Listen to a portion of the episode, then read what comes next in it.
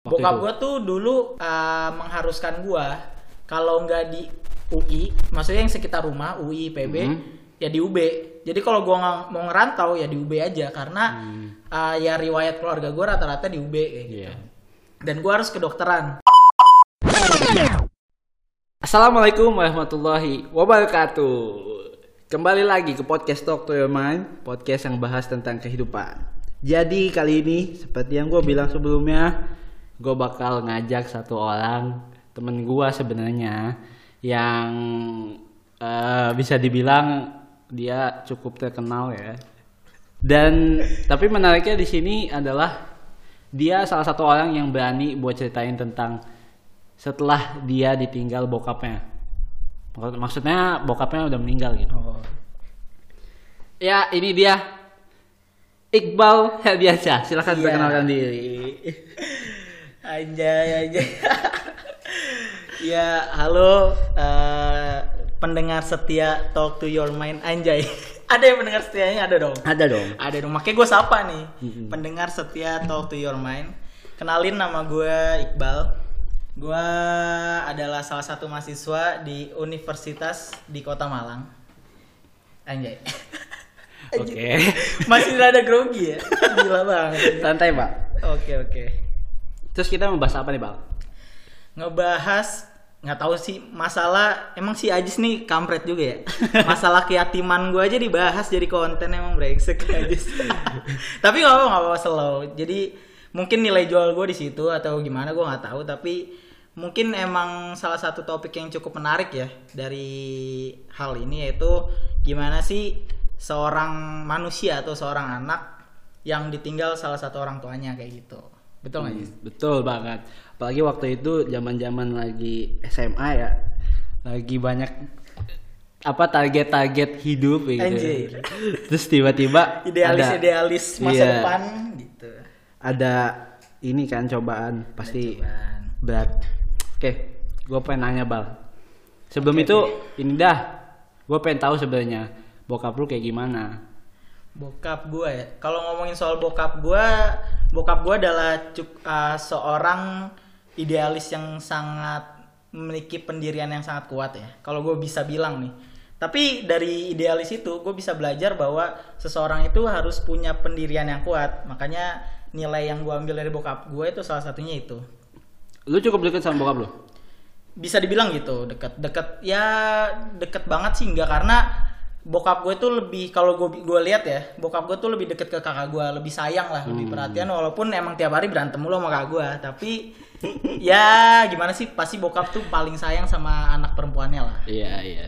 Tapi ya masih deket lah ya gitu ya. masih dekat masih dekat Terus kalau di keluarga lu eh, kayak gimana? Peran bokap?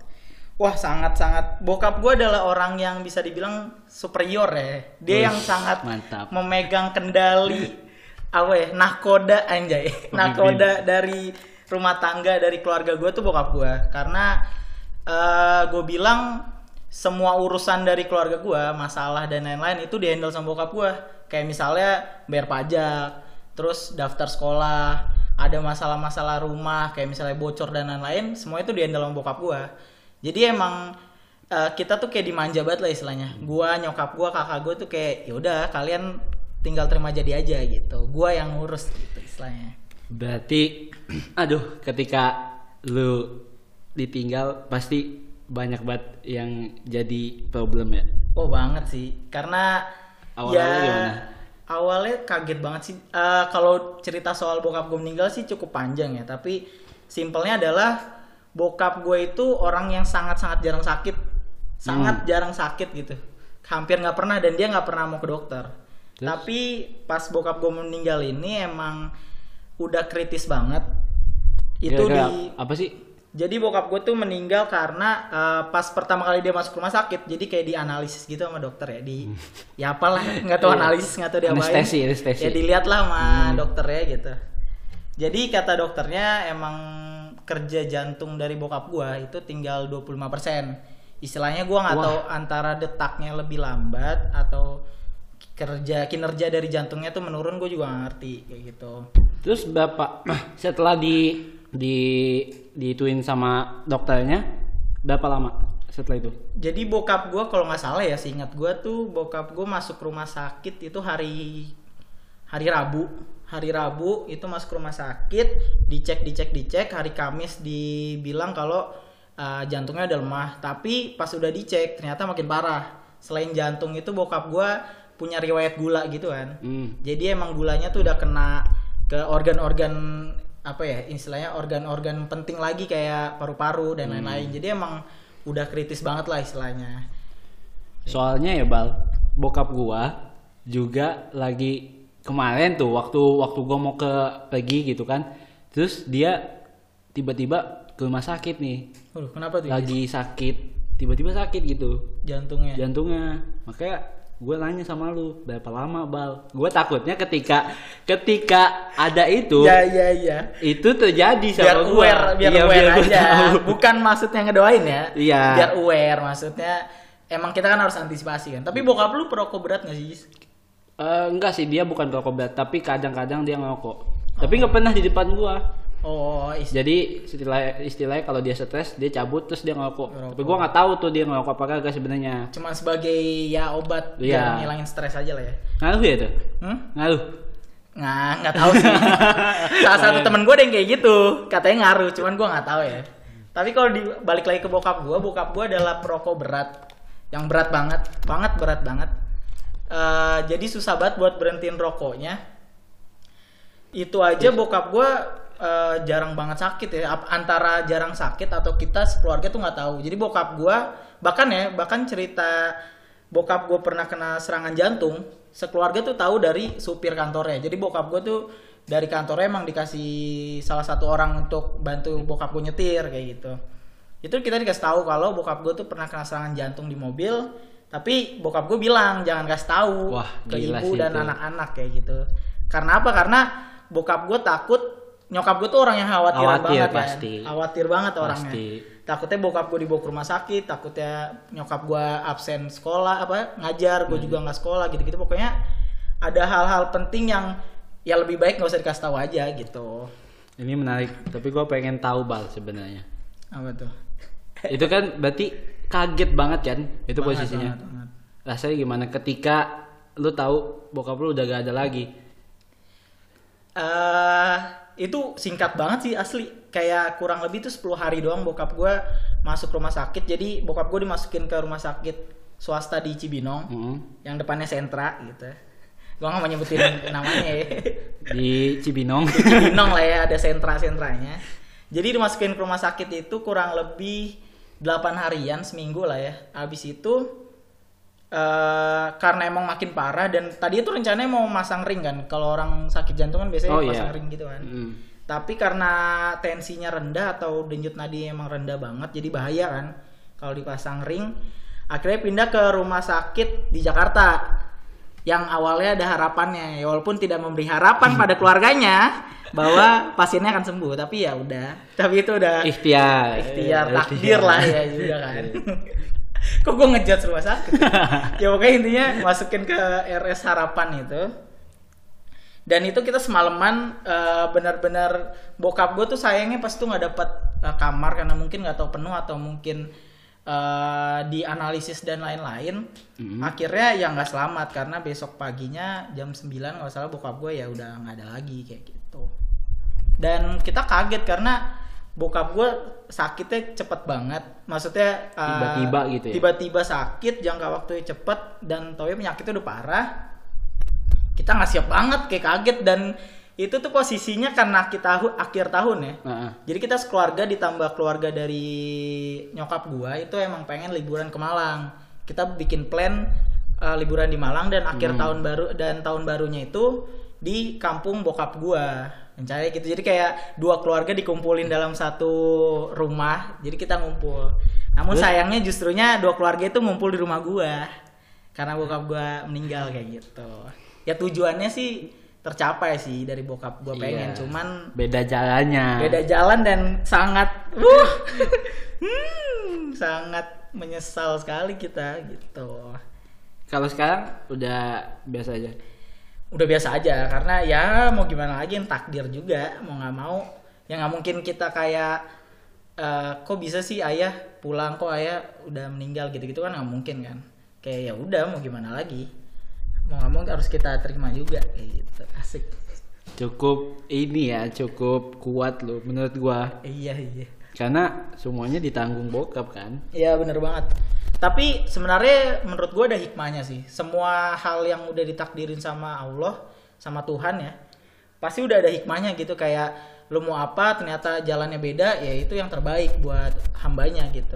Salah satunya mungkin yang gue dapat adalah ketika bokap gue meninggal, yang pertama adalah mungkin Allah lebih sayang sama bokap gue. Yang kedua mungkin Allah juga sayang sama keluarga gue yang mungkin ya kita bisa belajar lebih baik, kita bisa jadi pribadi yang lebih baik ketika bokap gue nggak ada.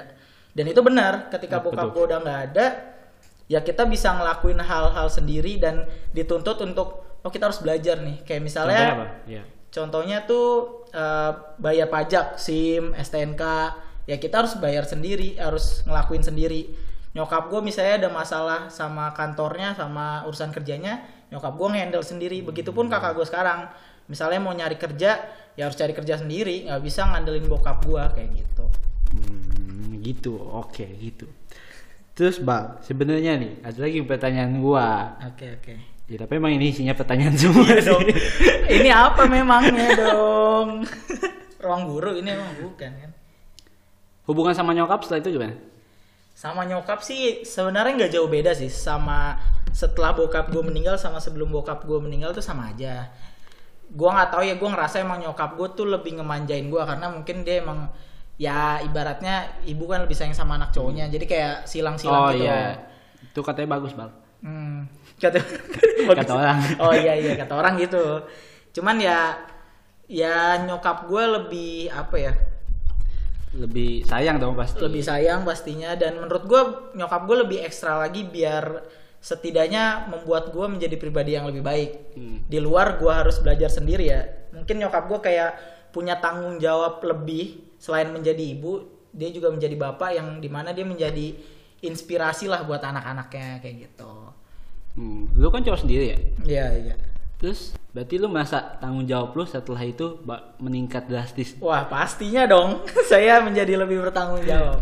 Yang mungkin menurut gue tanggung jawab pertama gue setelah bokap gue meninggal ya pas bokap gue meninggal itu karena kita sangat terpukul kan. Hmm. Situasinya bokap gue nggak dapet ruangan, terus kita pertama kalinya lihat bokap gue dikasih alat-alat yang segede Iya, gaban iya, gitu, iya.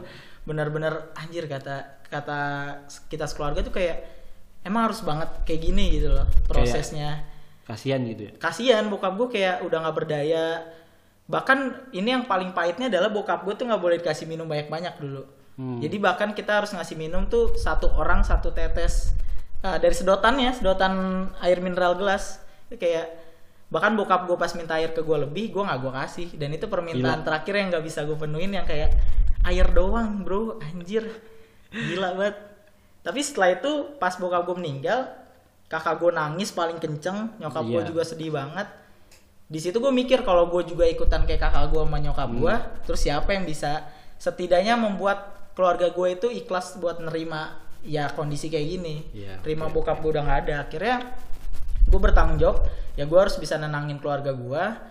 Gue bisa harus bisa ngehandle beberapa hal yang emang misalnya keluarga gue nggak bisa handle kok nyokap gue kakak gue nggak bisa handle ya gue harus ngehandle. Kayak misalnya bayar pajak ya kalau misalnya gue bisa ya harus gue yang ngejalanin harus gue yang bayar. Untuk nyupir di keluarga gue harus gue yang nyupir kayak gitu. Pokoknya istilah hal-hal yang harus gue handle sebagai laki-laki dan kalau bisa ngegantiin peran bokap gue ya harus gue ganti peran bokap gue kayak gitu. Bisa benerin genteng. itu yang salah satu yang belum sih. Masalah tukang mungkin cuman ganti lampu doang gua. Kalau ganti genteng mohon maaf nih nyawa gua keganti ntar kalau gua pleset dikit kan jadi ya udahlah gua yang safe safe Yang aja ganti, ganti. ganti lampu aja pernah setrum jadi kayak gua kaget lu kayak anjir ini saklarnya udah gue matiin kan bangsat kesetrum gue lempar itu lampunya wah gila sih emang tukang gue respect sama tukang nih ini agak melebar tapi tukang keren loh. Iya, oke. asli loh Tapi lu setelah itu merasa oh gua harus lebih fokus belajar. Kan waktu itu kita SMA ya, Iya, iya, kelas iya. 11 ya. Lebih target lu kan lu mau masuk UB tuh waktu betul betul betul terus lu merasa setelah bokap lu meninggal lu merasa ada perasaan kayak gitu apa oh ya udah gitu gue Kalau- cuman harus berperan sebagai keluarga aja di situ Oke oke. Kalau dari gue sendiri ya, uh, gue nggak tahu ini bagus apa enggak menurut kalian ya. Tapi gue lebih merasa uh, merasa lebih bebas aja setelah bokap gue meninggal. Dalam Bebasnya artian? Ah. bokap gue kan tadi yang udah gue bilang kan, bokap gue itu superior dia yang menentukan arah keluarganya tuh ke mana. Salah satunya gue ditentuin gue harus kuliah di mana, jurusan apa. apa tuh Bokap gue tuh dulu uh, mengharuskan gue kalau nggak di UI, maksudnya yang sekitar rumah UI, PB, Mhm. ya di UB. Jadi kalau gue mau ngerantau ya di UB aja karena uh, ya riwayat keluarga gue rata-rata di UB kayak gitu. Iya. Waduh, kata gue melihat rapot gue yang sangat wow wow banget kan kayak hmm, kedokteran apa nih? Tapi dulu lu nurut apa lu berharap bokap lu berubah pikiran? gue senengnya adalah jadi idealis bokap gue ini bertahan sampai kelas 1 SMA pas gue kelas 1 SMA bokap gue ya kamu harus kedokteran kedokteran kedokteran makanya gue masuk IPA kan Iya. terus pas kelas 2 gue mulai kayak ngomong pelan-pelan ke bokap gue kayak "Eh, ya kayaknya nggak bisa nih rapot eh, kedokteran dan Sengaja ini. gue mengarahkan ya emang emang anaknya suka mengarahkan opini orang gitu kan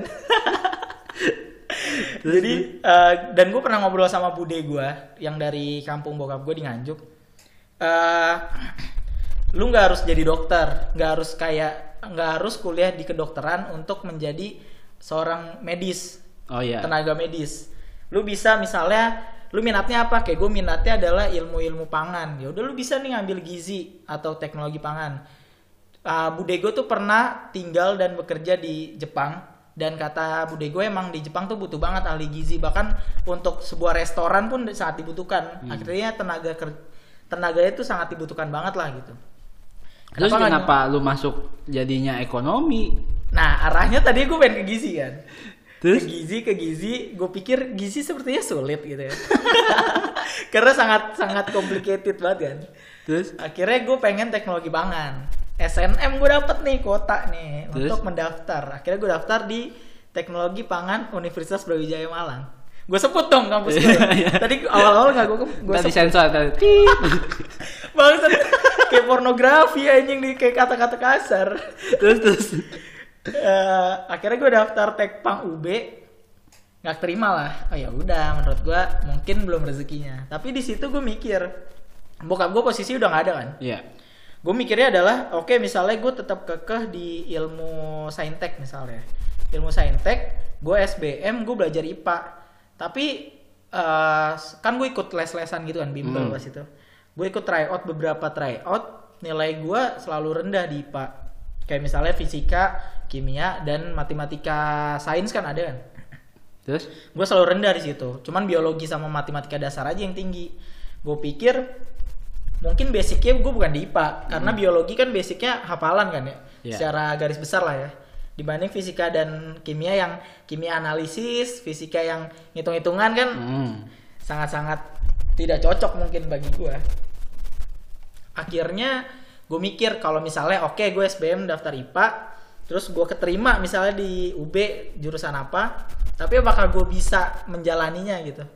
Entah misalnya gue kuliah biasa gue praktikum gue nyaman nggak misalnya kuliahnya? Terus hasilnya apakah bagus? Apakah gue bisa lulus tepat waktu? Apakah bisa gue dapat pekerjaan dari jurusan saintek? Sesuai sama yang bokap gue pengenin. Akhirnya lu pindah. akhirnya setelah gua muasabah diri anjay mawas diri ya istilahnya. Gue berkaca bahwa sepertinya saya tidak mampu gitu.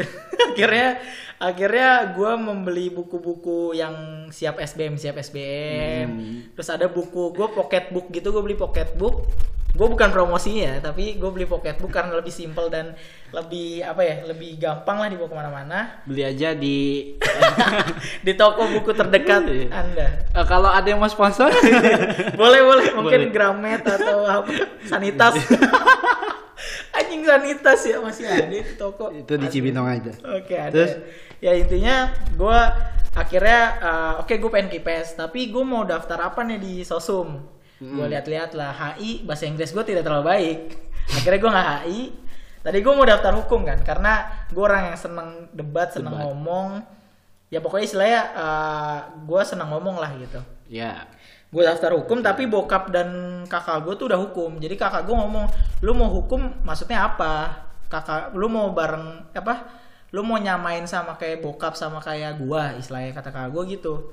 Akhirnya? Terus kakak gue kayak udah ngewanti-wanti hukum tuh lu belajar gini gini gini tentang pasal dan lain-lainnya gitu lah. Lu bakal ribet lah lu. Sedangkan gue orang yang tidak terlalu bisa kontekstual secara banyak gitu loh. Gue orangnya yang uh, improve aja. Misalnya gue tahu konsep dasarnya apa ya udah gue improve aja gitu. Tapi kalau misalnya hukum kata kakak gue emang saklek. Kalau lu pasal A ya lu harus nggak boleh berubah tuh kalimatnya.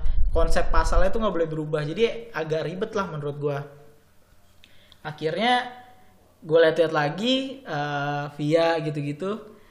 Ah ya udahlah. Kayak via tuh hitung-hitungan kan. Akhirnya gue mikir kayak gue minatnya tuh di ekonomi. Akhirnya mungkin ekonomi yang cocok ya udah ekonomi pembangunan di mana gue emang minatnya membangun sebuah wilayah gitu-gitu tapi dalam aspek ekonomi kayak gitulah kenapa bokap lu pengen lu kedokteran, Bang?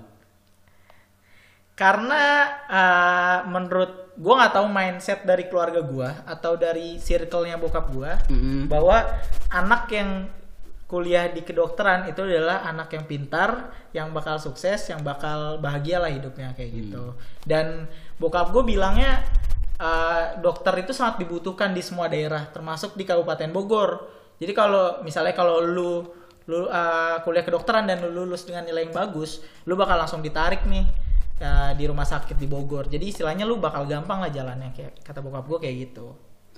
Kalau gitu, berarti maksudnya itu kan sebenarnya agak jauh ya ketika lu masuk ekonomi. Hmm, betul betul. Nah, itu gimana? Apa apa emang lu fokus? Ya udah gue bisa dengan cara gue sendiri Hmm. atau lu bisa dapat dua-duanya dari pengen bokap lu, dari lu juga bisa dapat. Menurut gue ya. Nah, menurut lu? Iyalah menurut menurut, lu. gue gue sudah menjalani kedua-duanya karena bokap gue pengennya gue di UB entah Ah. itu jurusan kedokteran dan lain-lain menurut gue ya udah yang penting di UB tapi ya tidak apa ya menurut gue emang jurusan yang bagus juga menurut gue ya dan setelah gue pelajari dari, dari ilmu sosum yang emang menurut gue bagus ya ekonomi tadi. Dan dari awal gue belajar SBM gue yakinin nih kalau emang gue milih ekonomi Hmm, apakah gue bisa sesukses ketika gue milih dokter. saintek ya entah dokter atau gizi tadi. Hmm. kalau misalnya gue main-main di sosum ya buat apa gitu ngapain? Mending gue tetap di saintek aja kuliahnya kayak gitu. Ya akhirnya dari SBM itu gue belajar mati-matian selama tiga minggu gue belajar uh, abis-abisan buat SBM akhirnya dapet ya gue yakinin gue kuliah harus benar juga Hmm. ya setidaknya ya setidaknya gue tidak hilang-hilangan kelas gue harus datang terus ngerjain tugas mau nyontek mau enggak gue ngerjain tugas yang penting yang penting Iya. gue ngejalaninnya dengan baik lah istilahnya kayak gitu Berarti poinnya adalah setidaknya lu udah dapet apa yang bo- bokap lu mau. bokap Ya. gue mau dan gue pengenin juga karena uh, entah itu egoisan gue atau enggak tapi setidaknya ini hidup gue gitu. Gue yang menjalani buat ke depan bokap gue udah nggak ada tapi harapan bokap gue adalah gue menjadi orang yang sukses orang yang bisa bagian nyokap gue dan selama nyokap gue ngedukung ya udah silahkan yang penting lu bisa uh, tetap fokus di jalan lu kayak gitu. Hmm. Katanya nih, katanya kalau di Google banyak banyak banget itu yang mengatakan kalau anak tanpa bokap katanya kenakalan makin jadi, bener nggak? kenakalan Atau gini, lebih bebas, Iya, lebih lu merasa diri lu udah ya udah Oke, diri gua diri gua, gitu ya. iya. eh ini jawabannya sangat umum sih, tergantung orang. itu sangat umum kalau pertanyaan-pertanyaan yang sangat eh, sensitif pasti tergantung orang sih. Iya, dah. Tapi menurut gue juga sependapat. Karena beberapa case gue ketemu orang yang eh, sama hal kayak gue, yatim juga. Jadi lebih baik, jadi lebih sukses, dia tahu jalannya ke mana. Ya kenakalan mungkin oke lah, karena kenakalan itu menurut gue bukan karena keturunan, bukan karena bukan karena kemauan tapi menurut gua karena lingkungan. Ada orang yang misalnya emang pribadinya baik karena dibentuk dari kecilnya baik keluarganya. Lingkungan dari kecilnya baik tapi ketika udah masuk kuliahan udah masuk kerja ternyata sir eh, lingkungannya buruk ya akhirnya dia ikutan minimal misalnya ngerokok awalnya nggak ngerokok misalnya awalnya soleh tiba-tiba jadi peminum ter- menurut gue tergantung circle-nya. Jadi ketika lu bilang ketika lu yatim, apakah lu bakal jadi lebih nakal? Tergantung Belum tentu. orang. Belum tentu juga karena memang gue lebih, gue bukan lebih nakal ya. gue lebih uh, pengen tahu aja. gitu. Sama aja dong. Nggak beda dong. iya iya. Kan nggak harus melakukan. Nggak harus Eh, melakukan. Gue cuman kayak, kok bisa sih orang-orang ngerokok gitu. Iya. Tapi gue tidak mencoba ya. Iya. Kok bisa orang-orang mabuk se karena gue dibentuk di lingkungan yang minuman tuh haram banget kayak gitu. Minuman keras tuh haram, rokok tuh jangan, makan babi haram ya memang jelas sih itu. Cuman ketika gue udah terjun di circle gue yang baru di kuliahan, orang nyantai aja kayak misalnya gue pulang futsal temen-temen gue pada mabuk kayak biasa aja gitu. Terus kita setiap makan pada ngerokok langsung pada ngerokok ya udah biasa banget gitu. Jadi tergantung diri lu sendiri sih apakah lu pengen ngikut ke lingkungan yang baru, ke budaya circle lu yang baru atau lu tetap mempertahankan si lingkungan yang lama, si budaya lu yang lama. Misalnya budaya lu emang gak ngerokok, pas lu udah terjun ke lingkungan yang baru pada ngerokok, ya gimana lu nya kalau lu emang pengen aku pengen ngerokok ah. Kalau lu gimana?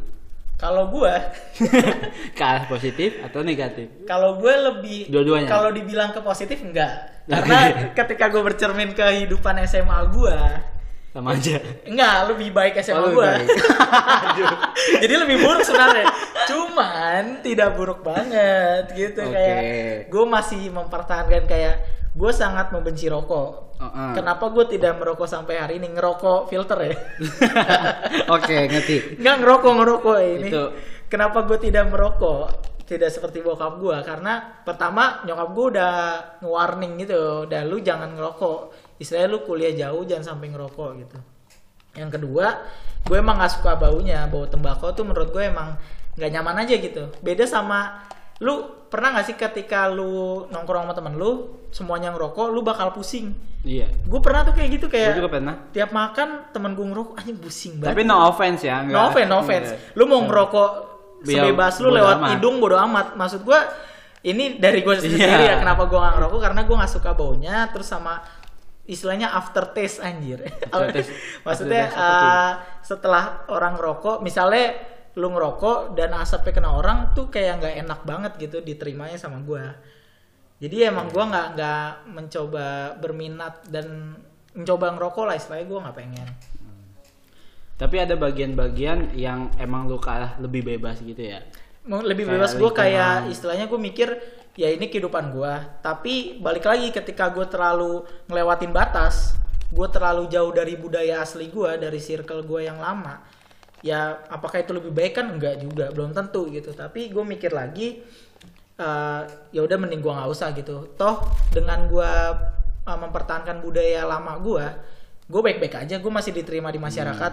Gue masih nongkrong sama teman-teman gue yang pemabuk yang ngerokok gue masih diterima. Kecuali emang teman-teman gue nggak nerima karena gue nggak ngerokok ya mungkin antara gue ikutin budaya mereka atau gue mencari circle yang baru kayak gitu. Nah, tapi kan lu penasaran nih. Tadi lu bilang kan, lu penasaran. ya Dan lu lebih pengen ke arah circle itu, pengen mencoba atau lebih memilih menyesuaikan diri lu yang nggak suka ngerokok nih misalnya. oke oke oke misalnya sampel ya. ambil sampel nih ngerokok. Nah, lu lebih pilih mana? Nggak usah deh. Eh, selama lu kuliah aja. selama kuliah ya, jujur ya jujur ya ini ajis bangsat. Kan gue bilang jangan ke arah situ dong. Tapi nggak tapi nggak apa-apa menurut gue eh kalau ditanya gue yang orang yang kayak gimana ya? Balik lagi yang udah gue bilang sih gue datang ke sebuah lingkungan ke sebuah lingkaran di mana gue menunjukkan gue orang yang kayak gini nih. Mm-mm. gue orang misalnya gue baik bacot gue ngomong mulu mulut gue misalnya nyablak tapi gue nggak ngerokok gue nggak mabuk gue nggak makan babi misalnya gitu. Oh, gue gue udah ngenalin diri gue kayak misalnya teman gue nawarin rokok oh enggak gue nggak ngerokok. Ya paling ada ceng-cengan dikit ya nah aja sih lu nggak ngerokok gitu. Atau teman-teman gue mabuk pernah nih teman-teman gue mabuk setelah futsal jadi dari delapan orang yang nggak mabuk tuh berdua gue sama teman gue satu. Terus jadi akhirnya kita memilih beli Minute Maid Palpi Orange yang bulir-bulirnya sangat tipis sekali kita minum itu teman-teman gue minumnya jamu-jamu anggur Iya. ya. lu tau lah ya jamu anggur gue minum minute maid palpi oren anjir Mabok mabok juga nggak? Enggak. mabok jeruk ya. Jeruk-jeruk instan kan bikin mules ya. Kalau mereka maboknya tidur, kita maboknya mules langsung. Istilahnya gue ngenalin diri gue kayak gue tuh kayak gini gini gini lah gitu. Kalau lu nggak nerima gue, kan kalau ketika lu nggak diterima di circle yang baru misalnya ya, Iya. yang beda sama lu, misal eh, lu nggak bakal diajak lagi. Misalnya ada nongkrong lagi lu nggak diajak, atau mereka jalan lu nggak diajak. Ya, artinya lu emang udah ditolak di lingkungan itu gitu. Tapi ketika mereka nerima gua, welcome sama gue, ya udah gak apa-apa lu kayak gitu. Kita juga kayak gini, misalnya temen gua, ya gua ngerokok, gua eh, baik bacot juga, gua kasar orangnya. Kalau gua nerima ya gua tetap berada di circle itu. Sama kayak mereka nerima gue juga. Jadi gue tipe orang yang bukan eh, apa ya kamuflase istilahnya ya. Apa sih membaur lah ya Iya. lingkungan gue ngerokok bukan berarti gue harus ngerokok buat diterima di circle itu tapi ketika gue masuk ke circle ya udah gue orangnya kayak gini lu nerima gue apa enggak ya udah kalau nerima alhamdulillah kalau enggak ya gue cabut kayak gitu. Berarti lu lebih menyesuaikan diri lu aja ya. lebih menyesuaikan Bukan menyesuaikan circle ya maksud gua. Hmm. Menyesuaikan diri lu, lu nyamannya ke mana gitu. betul betul betul itu salah satu juga sih kalau gue berada di circle yang ngerokok mabuk gitu-gitu tapi gue gak nyaman ya gue cabut sih Oh. kayak gitu Walaupun lu sebenarnya penasaran kan. penasaran. Tapi karena saya takut dicambuk sama ibu saya dan karena Allah Maha melihat lagi Maha mengetahui, jadi saya tidak merokok. Nggak tahu kok yang lain. Tolong ya ini bukan konten 18 plus nih, mohon maaf nih Jis. oh iya. Jangan bahas-bahas yang lain. Nih, pertanyaan gua sebenarnya cukup ini ya. Apa nih? Balik lagi ke bokap nih. Oke oke balik lagi Balik lagi dong. ke bokap. Kenapa jadi ngomongin rokok nih? Iya benar. gue takutnya gue disangka rokok beneran ntar kan. Balik ke bokap. Berarti udah ikhlas. Sampai sekarang. Sampai kalau gua ditanya lu ada ngerasa sedih gitu-gitu gak sih gitu ya? Sebenarnya sedih sih udah enggak sih sampai sekarang. Sampai detik ini gua nggak sedih. Maksudnya ya ya mau gimana lagi yang udah gue bilang gua ya harus nerima kita sekeluarga harus nerima. Kita harus tetap gerak untuk hidup. nggak mungkin kita sedih-sedih kayak seandainya ayah masih ada kayak gitu kan. seandainya ayah masih hidup. Kita nggak bisa kayak gitu. Kita harus gerak. Kita harus Tapi tetap ada dong pasti. ada momen-momen awal-awal kayak gitu. Bahkan sekarang pun ada kayak kakak gue misalnya kurang nyaman sama kerjaannya kakak gue kadang ngeluh juga kayak coba aja ayah masih ada. Tapi balik lagi gue bakal ngebelokin kayak ya terus apa lu terus-terus uh, seandainya seandainya maksudnya lu nggak bisa berkembang ketika lu terus bergantung sama bokap lu yang emang udah nggak ada. Setidaknya lu harus uh, upgrade diri lu lu harus lebih baik sehingga uh, lu punya nilai yang lebih lah. Lu punya nilai jual yang lebih jadi hidup lu lebih baik kayak gitu. Jadi bergerak maju ke depan. bergerak maju. Tapi awal-awal bokap gua meninggal sih emang kalau sedih sih enggak ya. Gue lebih ke arah iri sih. Iri sama? iri kayak gue lihat teman-teman gue misalnya ngumpul sama keluarganya IG story Hmm. lebaran foto lengkap pakai baju sama. Pasti sih itu. terus ya makan-makan atau nginep di hotel sekeluarga. Gue sedih kayak aduh gue nggak sempet nih kayak gini. Gue gue merasa bokap gue kayaknya tidak sebahagia keluarga mereka. Masih ada tuh momen kayak gitu kayak anjir lah bokap gue nggak ada gue cuma bertiga doang sekarang apakah gue bisa bahagia lebih dari keluarga mereka kayak gitu kayak ada rasa iri aja sih karena keluarga gue udah nggak lengkap tapi ya mau nggak mau kita harus tetap apa ya tetap maju jalan lagi dan setidaknya kita harus lebih bahagia gitu kayak gitu Jadi malah jadi pengen lebih bahagia ya. malah lebih karena motivasi dibandingkan ketika masih ada bokap lu. ya mau nggak mau sih Mau nggak mau. karena tapi kalau misalnya dibayangin lagi ya sampai gue kayak kakak gue gue yakin kita bakal lebih bahagia ketika bokap gue masih ada. Karena semua urusan lancar semua apa ya lebih gampang urusannya. Nggak ada hambatan-hambatan kayak kuliah gue lebih gampang. Mungkin gue nggak mungkin gue belum tentu kuliah di UB ketika bokap gue masih ada. Mungkin. Mungkin nyokap gue udah nggak ngajar lagi ketika bokap gue masih ada. Mungkin kakak gue nggak di pekerjaan yang sekarang ketika bokap gue masih ada. Kalau kita mikir seandainya seandainya pasti lebih baik keluarga kita kayak gitu istilahnya tapi Iya iya. iya. gue mikirnya ya balik lagi masa kita seandainya terus orang-orang lebih maju orang-orang bisa lebih bahagia kita cuman berandai-andai bokap gue masih hidup ya ngapain juga gitu setidaknya kematian bokap gue perginya bokap gue itu tidak sia-sia lah tidak membu uh, tidak apa ya menimbulkan duka lah buat keluarga kita gitu move on cek move on Anjir, ya. keren ya bahasa gue ya Keren. bacot banget. Jangan tawa mulu bal itu kan tadi bagian positifnya iya iya gue pengen tahu ada nggak penyesalan terbesar lu yang belum lu lakukan Aduh. waktu bokap lu masih ada Anjir. Ini ada backsound sedih gitu gak sih kayak kayak di SQ gitu nggak ada ya? Sebenarnya ini nggak sedih sih gue, cuman kalau penyesalan tadi gue udah sempet singgung sih. Penyesalan pertama ya, yang minum berarti yang masalah minum permintaan terakhir bokap gue masalah air doang gue nggak bisa penuhin. hmm.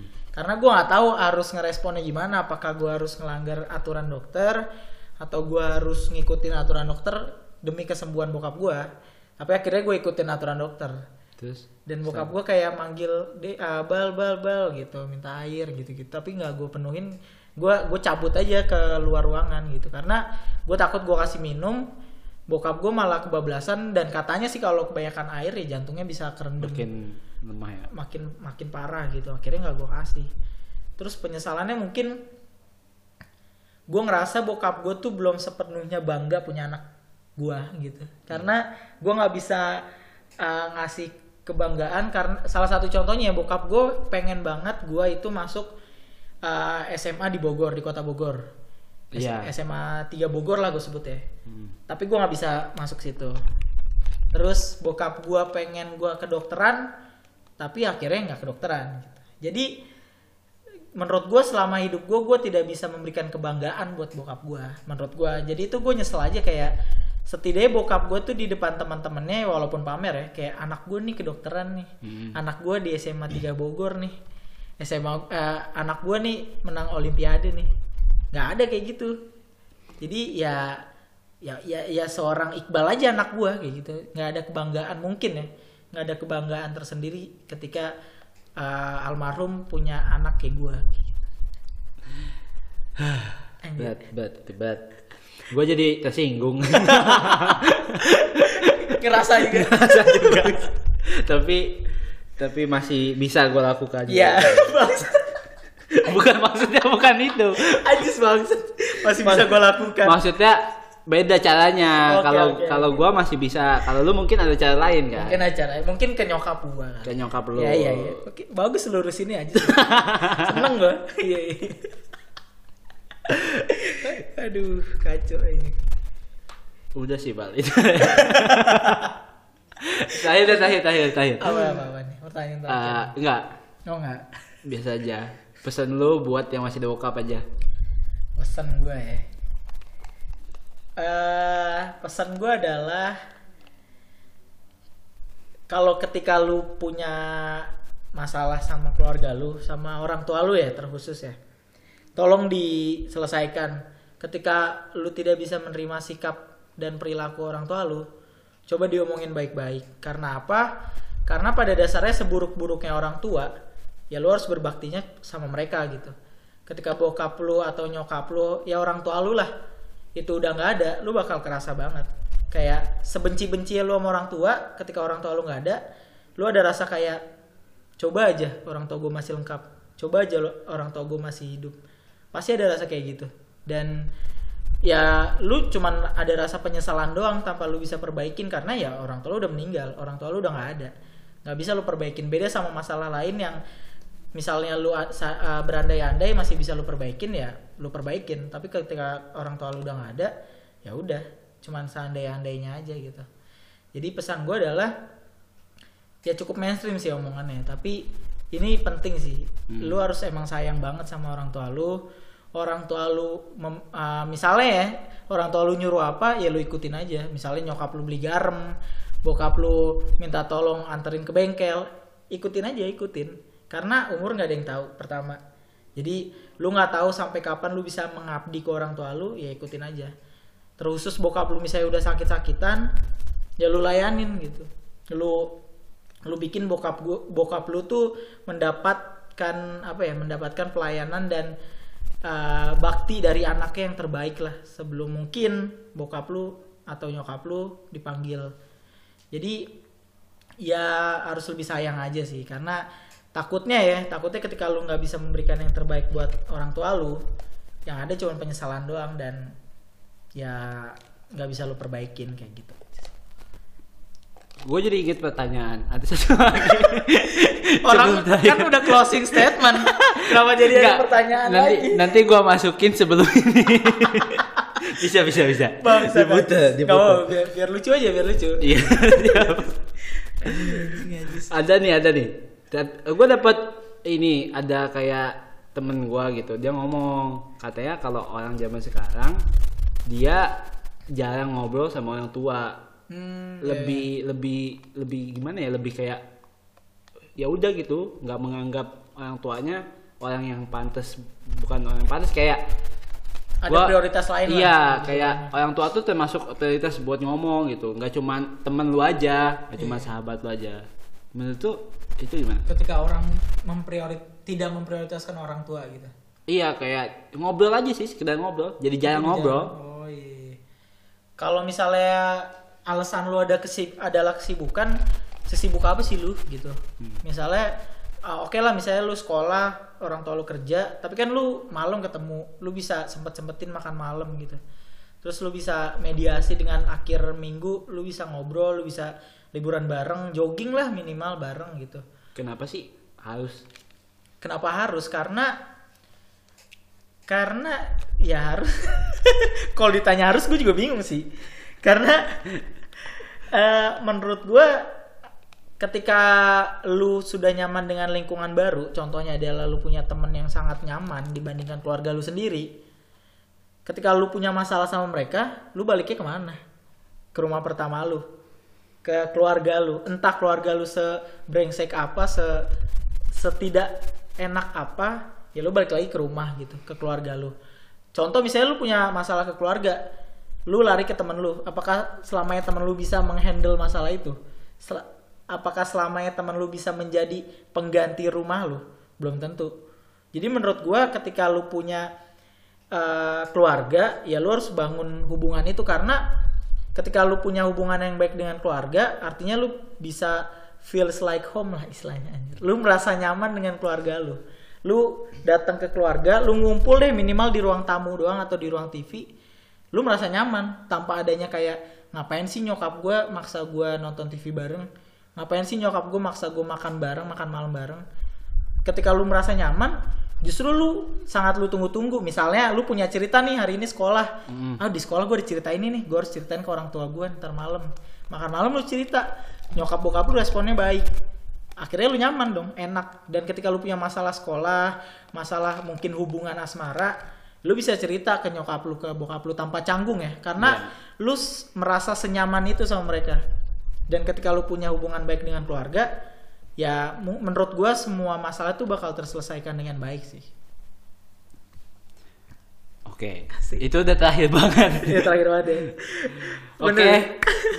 terakhir. bener lo terakhir Bener. ini ntar gua ada pertanyaan nih.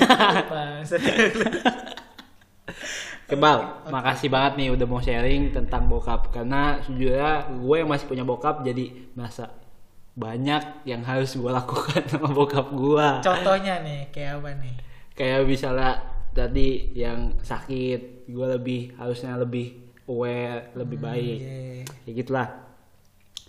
Dah, itu aja bang. Oke. Makasih. Di episode selanjutnya gue punya eh, materi tentang prioritas itu tergantung lingkungan, apa enggak. Terima kasih Iqbal oh iya sama-sama yang sudah bersedia datang Oke. dan semoga terhibur.